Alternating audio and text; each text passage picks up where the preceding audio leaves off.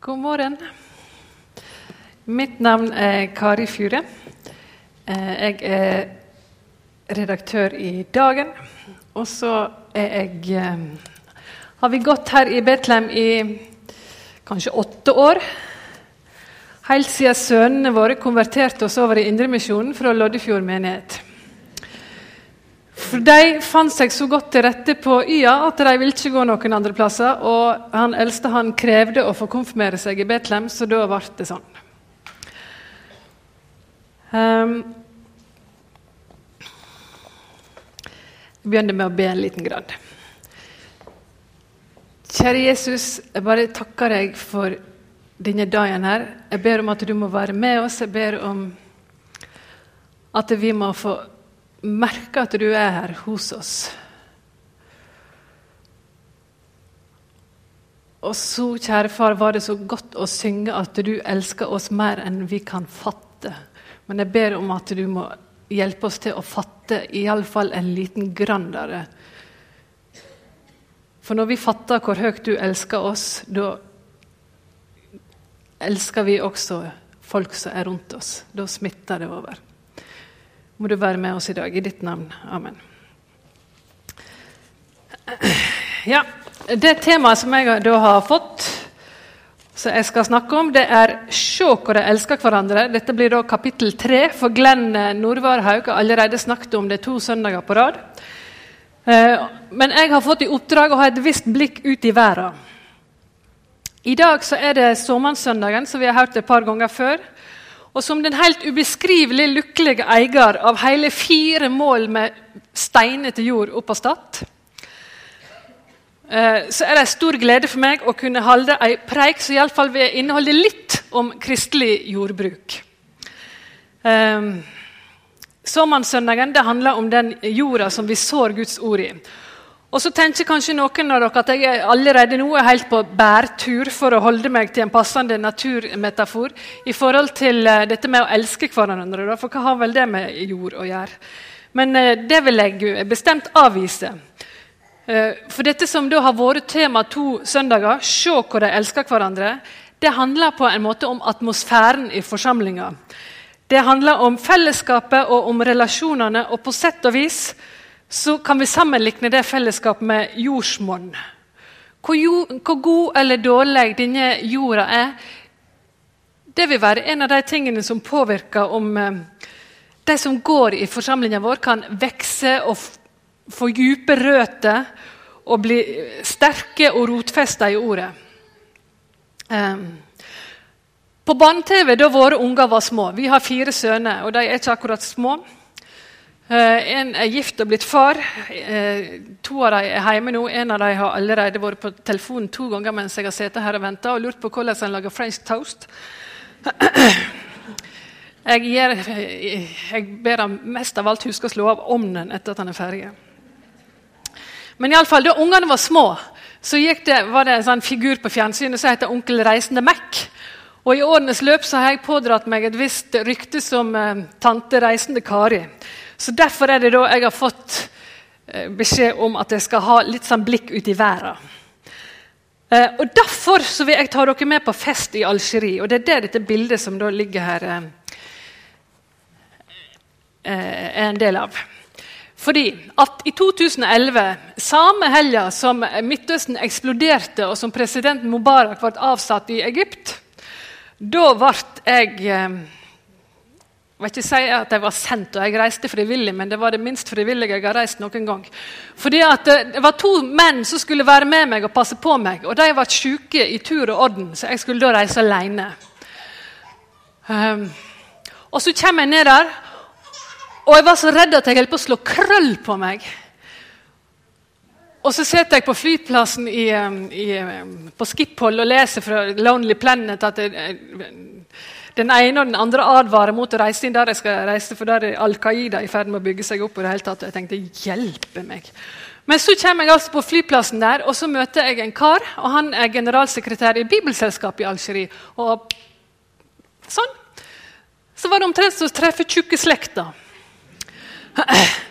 Eh, jeg kan ikke si at all frykt var vekk, men 90 eh, Og det var som å treffe familien. Og dette handler om og, og, Sånne opplevelser har jeg hatt mange av. Når du kommer og du treffer folk som er helt fremmede for deg, og som du kanskje ikke har det minste til felles med, men så har du så utrolig mye til felles med likevel. Og så er det en sånn umiddelbar kjærlighet oss imellom fordi at vi er kristne, fordi at Jesus er på, på innsida vår, og fordi at han som møtte meg, var faktisk min bror. og det er ikke bare en floskel. jeg opplevde det sånn.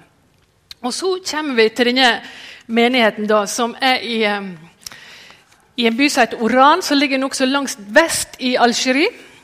Og Det er en menighet som består kun og blott av konvertitter.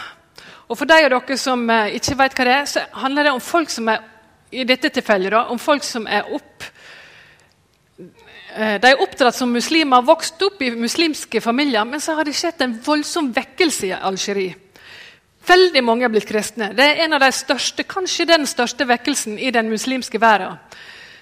Veldig mange er blitt kristne sånn, fordi at de har møtt Jesus i drømmer og i, i, i syne. Det er sånn som du leser om i Det nye testamentet. ikke sant? Der opplever de det. Langt oppe i fjellet så er det plutselig blitt etablert eh, menigheter. Eh, de har ikke pastor, for det var ingen av dem som var utdannet til det. Så hvem var det som var kristen først? Ok, du er pastor. Greit. Men i denne menigheten her så var det kun, kun konvertitter. Og de fleste hadde ikke vært kristne mer enn en ti års tid. De fleste hadde nokså røff bakgrunn. Noen av dem var blitt utvist fra familien sin. Noen hadde blitt forfulgt, noen var blitt sendt til fengsel. Men det var et sånn utrolig fellesskap. Og så var det da ei dame hun har vært syk. Og hun var så rørt av at um, det var så mange som hadde kommet på sykehuset og besøkt henne. Og viste henne sånn fantastisk omsorg. Hun følte seg så ivaretatt. Så hun ville så gjerne gjøre uh, gjengjeld. Så hun inviterte menigheten hjem til seg på middag. Og du kan si at menigheten kom. De kom stort sett alt i hop. Og de satt ja, de satt uh, som sild i tynne på sånne plastikkstoler som vi bruker ute i hagen vår. Langt ute gjennom gangen satt de. Og Først så åt de. Det var det de så det bildet først. Kjempegod mat. Og Så begynte de å synge, og de kunne ikke sitte i ro så veldig lenge. det er ikke sånn som oss. Vi setter oss ned når vi har sunget første sangen som vi har fått beskjed om å stå og da setter vi oss ned. Pank. Men her så begynner de å synge, og så reiste de seg opp. Og Så begynner de å danse, og da ble det litt trangt rundt bordet. Du ser her er vi ganske inderlige. Og så det praktiske med sånne plastikkbord var at det da går an å ta av beina og hive ut bordet. Og så danser de videre. Og Hele kvelden holdt de på sånn. De dansa, og de sang, og ungene sang og helt til de slokna. Og Der er hun som sitter og troner i sofaen med den hvite morgenkåpa. Det var hun som var sjuk. Og så er det døtrene hennes.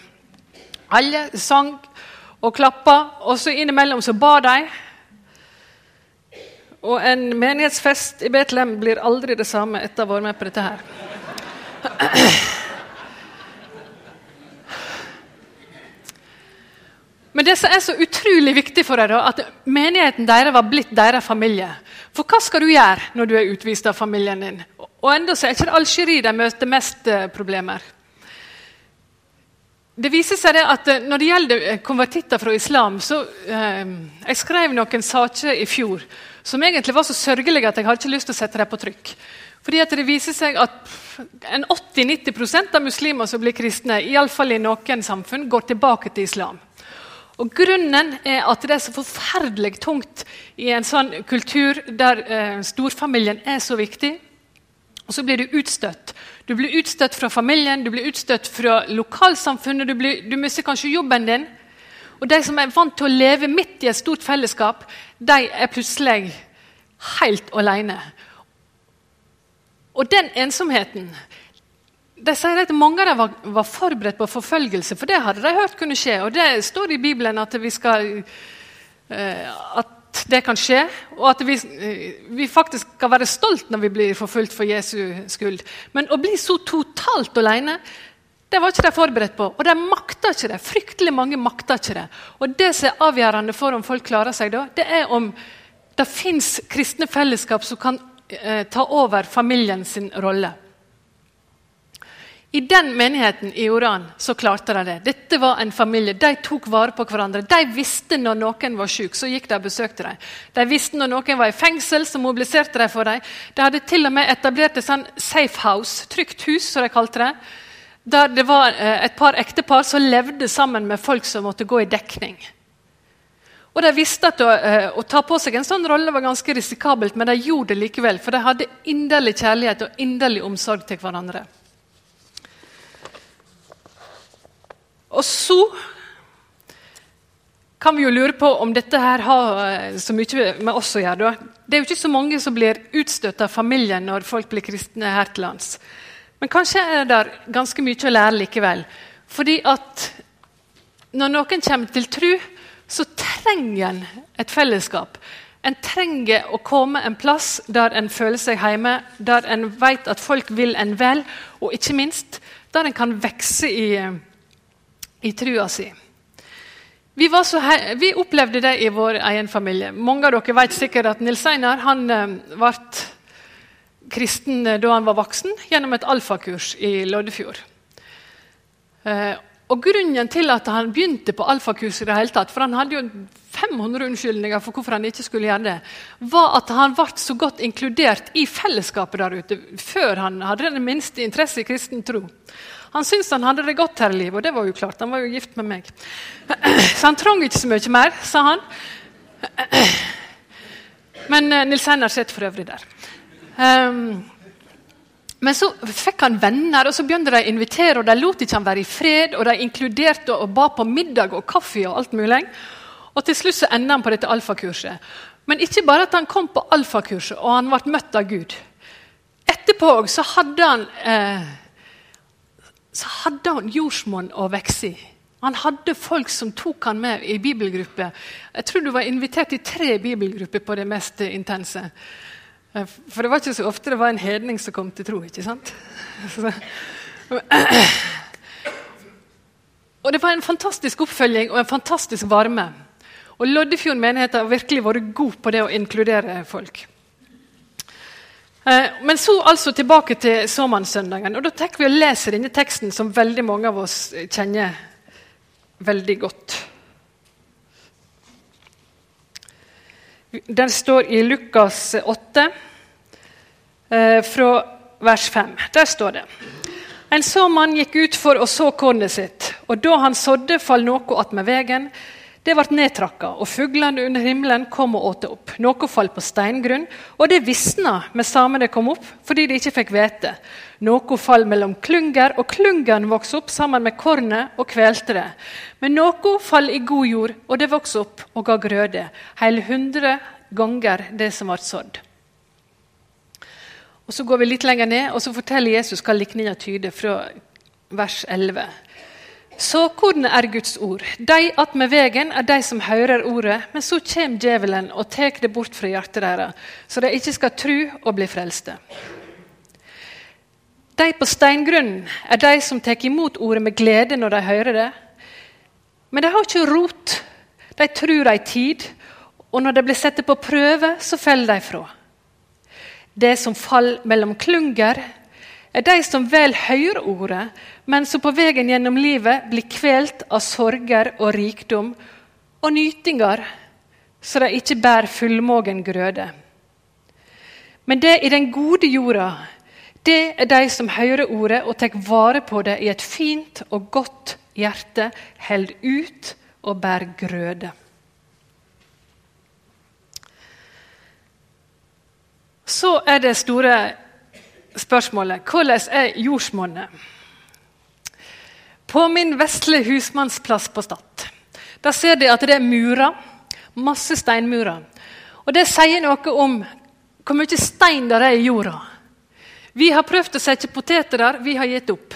Vi har eh, grevet og grevet, og vi fant ikke én plass der det gikk an å komme så djupt nedi at du hadde noe håp om at potetene skulle vokse. Så det eneste som vokser nå, det er rips og rabarbra. Det har steder fra gammelt av.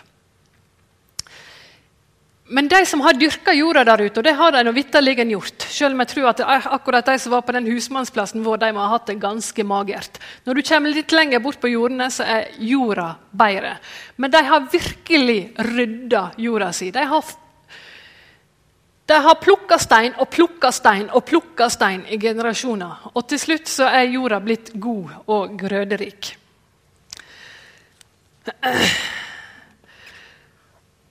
Uh, jeg tror at uh, denne såmannssøndagsteksten uh, den handler jo først og fremst om hjertejorda til den enkelte.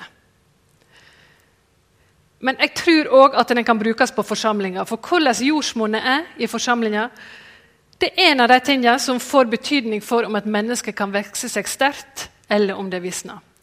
Om vi kan være et drivhus der folk kan vokse seg sterke, sånn at de sjøle kan gå ut. Om vi faktisk kan være det fellesskapet av menneskefiskere som vi så inderlig ønsker å være. Så hvordan er jordsmonnet her hos oss i Betlehem?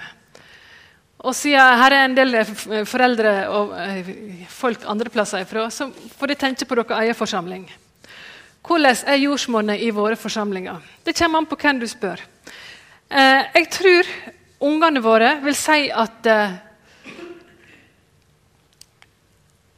Eller vi ser fra Y-a og fra ungdomsarbeidet at det fins godt jordsmonn i Betlehem. Der, er, der, blir ungdommene våre inkluderte. Der blir de så inkluderte at de nekter å gå andre plasser. Der får de vokse, de får utfordringer, de får venner, og de får vennskap som varer hele livet. Uh, men fra vi begynte i Betlehem, så har det vært en sånn gjennomgangstone at det kan være litt vanskelig å komme inn i voksenforsamlinger. For folk er veldig vennlige. Det har ikke med det å gjøre. Alle er vennlige og he eh, sier hei i døra. og sånn. Men det kan være litt vanskelig å bli kjent. Det kan være litt vanskelig å komme helt innenfor. Og det er kanskje ikke så rart. For det har sine utfordringer å være storbyforsamling. Vi kjører forbi nabolagene våre eh, og de folka vi treffer til vanlig, til daglig. Og så har vi kanskje bare denne ene møteplassen i veka. Og den eneste plassen vi møtes, det er denne hastige kirkekaffen ute i gangen her etterpå. Og Da tar det tid å bli skikkelig kjent, hvis en ikke eh, knytter seg opp til husfellesskap eller andre ting. Og så kan det være sånn at eh, mange av oss har prøvd virkelig å helse og inkludere mange ganger. Sånn som jeg sjøl. Både Gunnar og Glenn har, og flere har sagt 'hils nå på noe nye i dag'. Og Så har vi gått ut i gangen fast bestemt på å skulle helse på noe nye. Og Jeg husker spesielt en gang. Jeg gjorde meg virkelig flid. Jeg forbarma meg over et godt voksen par. Og Innsatsen var det ingenting å si på, men så oppdaga jeg at det var foreldre til Tore Hjalmar som bare var på besøk den ene gangen. Og da husker jeg jeg følte meg litt snytt. Når jeg hadde en sånn voldsom innsats, så skulle, burde det være noen som var, altså, liksom hadde tenkt å gå her. da. Men jeg tror jo også at folk som er på bare engangsbesøk, trenger å føle seg velkommen. Men i, alle fall, i årenes løp så kan det hende vi har resignert litt. Vi syns vi har helst på en del folk. Men samme hva unnskyldning vi da finner for å lene oss tilbake og tenke at det, nå kan noen andre ta seg av denne helsinga og introduseringa og inkluderinga så er det faktisk ikke noe vi har anledning til å melde oss ut av. Uh, I Matteus 22, fra vers 37, så står dette her. Disse kjente ordene. Du skal elske Herren din Gud av hele ditt hjerte hele ditt vit, hele din sjel og alt ditt vet. Det er det største og første både. Men et annet som er like stort. Du skal elske nesten din som deg sjøl. Vi kan ikke delegere vekk det å elske våre medmennesker. Det er et bud som er det nest viktigste etter å elske Herren sjøl. Og hvis vi leser i Johannes 13, 34-35 så står det et nytt båd gir jeg deg, de skal elske hverandre. På det skal alle skjønne at det er mine læresveiner. At de har kjærlighet, kjærlighet til hverandre. Nå kan kjærlighet komme til uttrykk på mange slags vis. Det trenger ikke nødvendigvis handle om å helse på folk en ikke kjenner. Noen syns det er kjempeskummelt. Så det er absolutt ikke den eneste Jeg vil ikke holde det fram som den måten vi viser kjærlighet på. Det kan vises på tusen måter. Men til sjuende og sist så er altså det at vi viser kjærlighet, et kjennetegn på at vi er Jesu læresveiner. Og Det ligger et djupt alvor i dette. her. Og Det ser vi også hvis vi leser 1. Johannes 3. Da skal jeg lese noen vers. Eh, og Jeg begynner i vers 11. Der står det For dette er den budskapen de har hørt fra første stund. Vi skal elske hverandre. Der står ikke 'vi kan' eller 'vi bør'. Der står 'vi skal'. Og Så leser jeg videre fra vers 13. De må ikke undre dere, søsken, om verden hater dere. Vi vet at vi har gått fra døden til livet, for vi elsker søstrene våre. Den som ikke elsker, er og blir i døden. Den som hater bror sin, er en morder, og de vet at ingen morder har evig liv i seg. Hva kjærleik er, har vi lært av Jesus, av at Jesus gav livet sitt for oss. Så skylder vi òg å gi livet for eh, søsknene våre.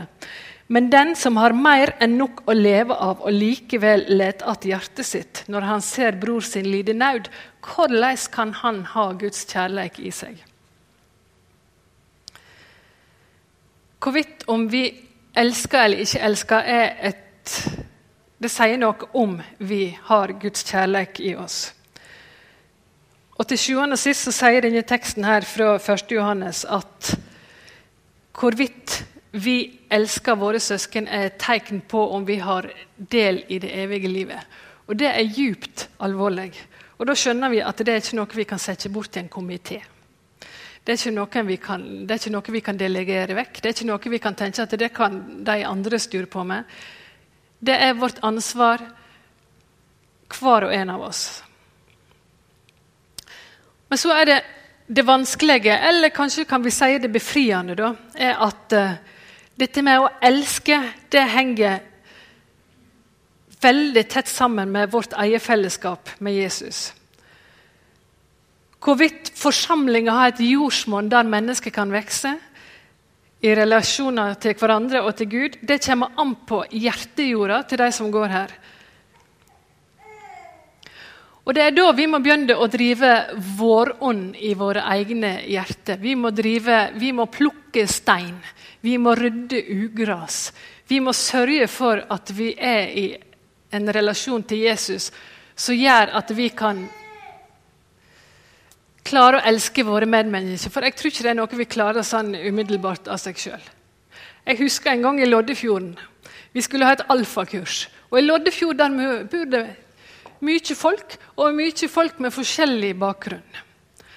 Og Noen er vel vant til å gå i kirka, og noen var absolutt ikke det. Men eh, de kom på alfakurs.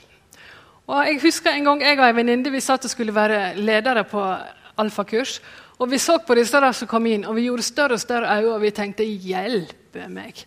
Hvordan skal dette gå? Og kan vi ha noe til felles med disse her i det hele tatt? Det var blant de mer lurvete fra, fra inn i Vadmyra enn Kvarstrand, Så det ut som. I, fulle av fordommer som vi var. Og så ba vi kjære Gud, hjelp oss å se disse her sånn som du ser dem. Og Det ble et fantastisk alfakurs. Og hjelpe meg hva som bodde på innsida av disse folka. Så Når vi klarer å rydde vekk fordommene våre, og det er det jammen nok av Jeg bare, kan bare snakke for meg sjøl. Jeg har fordommer så det tyter ut av.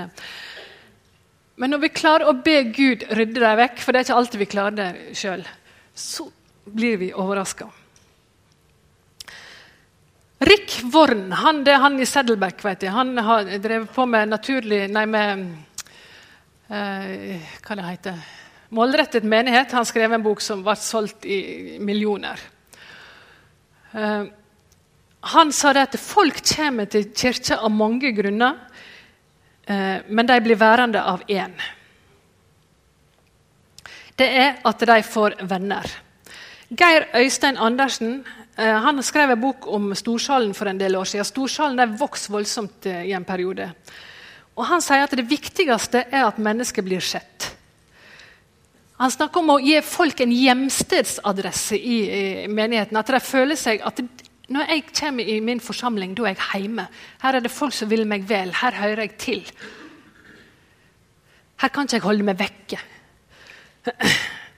Og I en bok som heter 'Naturlig kirkevekst', der eh, skriver forfatteren Christian Schwartz, Schwartz at det er en nær sammenheng mellom menigheters evne til å vise kjærlighet og potensialet for varig vekst.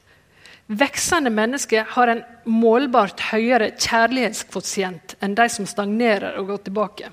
Og så kan vi jo tenke at kjærlighetskvotient det høres litt dillete ut.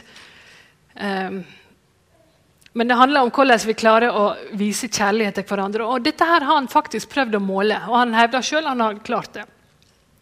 Blant annet så har han spurt eh, folk hvor mye tid eller undersøkt i menigheter hvor mye tid medlemmene brukte sammen utover de faste arrangementene i menigheten. Han har spurt hvor ofte de inviterte hverandre til et måltid eller til en kopp kaffe. Hvor gavmilde de var med tilbakemeldinger, og i hva grad presten kjente til om eh, medarbeidere hadde problem, personlige problem. Og Han har til og med målt hvor mye latter det var i menigheten. For han mener faktisk at det var en sammenheng mellom latter i menigheten og menighetens vekst. Fordi latter er et uttrykk for glede. Schwartz han mener at troverdig, praktisk kjærlighet det har en guddommelig tiltrekningskraft som viser seg eh, å være mye mer effektivt enn både evang eh, evangeliseringsaksjoner, som nesten bare handler om at folk snakker, eh, fordi at eh, Folk vil ikke bare høre at vi taler om kjærlighet, de vil også erfare hvordan kjærligheten virker i praksis. Og så satt jeg og togg på dette her med at troverdig, praktisk kjærlighet har en guddommelig tiltrekningskraft. Altså, hva, Hvis folk kommer inn her og merker at her kjenner de, her blir de møtt med kjærlighet, både i ord og i handling, at folk viser dem at de bryr seg, da har det altså en guddommelig tiltrekningskraft. Det vil si at det får konsekvenser for om vi klarer å lykkes med å nå byen vår med evangeliet. Hvis det kunne ryktes at det var så godt å være i Betlehem at folk bare måtte komme og se, og når de kom, så kunne ikke de holde seg unna fordi det var så godt å være. Det tror jeg hadde vært mer effektivt enn mange møtekampanjer. Fordi at Når folk kommer og så kjenner de seg elska, så blir det kanskje også lettere å tenke at, å våge å tro på at Gud elsker dem. Um, og Da vil jeg kaste et blikk ut i verden igjen. Da forlater jeg det steinete Vestlandet. Og Så flytta jeg meg inn i ei stove i Irak. Der var jeg før jul.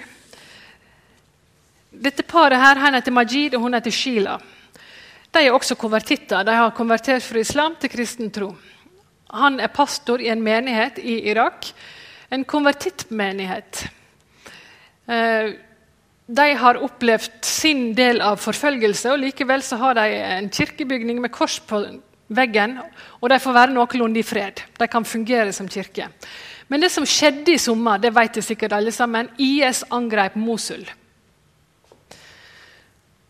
Og Etterpå så angrep de videre en større del av Nord-Irak. Og Det førte til en helt vanvittig flom av flyktninger. Og Flyktningene de banka bl.a. på døra til eh, Majid og Sheila, som har denne kirka i Erbil. Og de fylte opp huset. De fylte opp kirkekjelleren, de fylte opp kirkerommet. Innimellom benkene her, De skubba benkene til sides. og så fikk, eh, Jeg vet ikke hvor mange familier som akkurat lå der, men de skapte sine små heimer innimellom kirkebenkene. Eh, og når kirka og kjelleren var full, så tok de det inn i sin egen stue. Og I månedsvis så har de nå levd sånn at de har, de har fremmede folk rundt seg overalt. De har fremmede folk på badet, de har fremmede folk i stua og på kjøkkenet og alle veier. Og de har levd så tett på dem, og de har virkelig vist kjærlighet. Eh, av de som kom, så var det mest kristne, men det var også muslimer, og det var jasidier. Sånn som dette paret her. Det er eh, fra denne byen Kobani som eh, vi har hørt så mye om. Eh, kurderne slåss mot IS i Kobani. Disse var kristne før de kom til Majid. Men når de kom til Majid, så var det første gangen de ble tatt imot med kjærlighet. Første gangen de slapp å være redde. Og Det var et sånt fantastisk vitnesbyrd for dem å bli tatt så godt imot. Og Så fortsetter flyktningstrømmen. Nå er En del av de som kom i sommer, de har reist videre. Men nå har Majid og konen de har uh, retta blikket ut mot andre flyktninger som er kommet. Sånn som hun her, som uh, bodde i noe av det fattigste jeg har sett. Han som står uh, til venstre, han kjenner det kanskje noen av dere. Det er Per Ove Berg som er pastor i Kredo-kirken på Kråknes. Altså, dette her hadde knapt uh, fungert som en norsk garasje. Det var sånn Lekasteiner, så var det en liten grann sement innimellom, ikke isolert.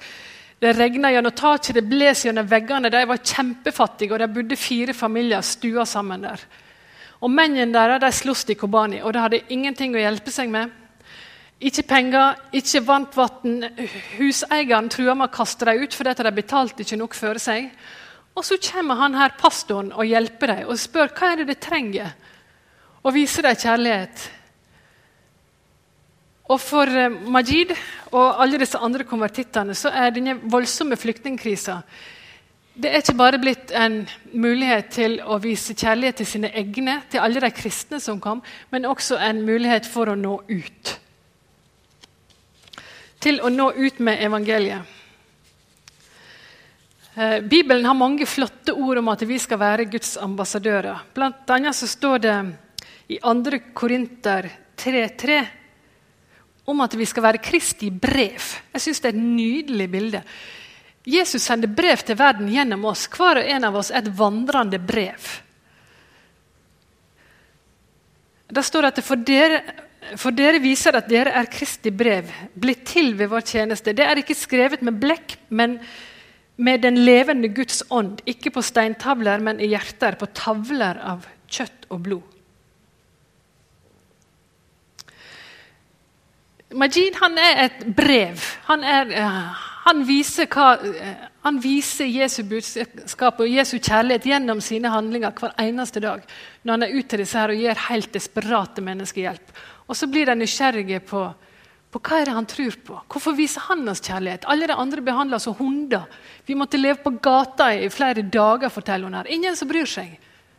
Og så kommer han og sier at eh, hva er det dere trenger? Vi er glad i dere.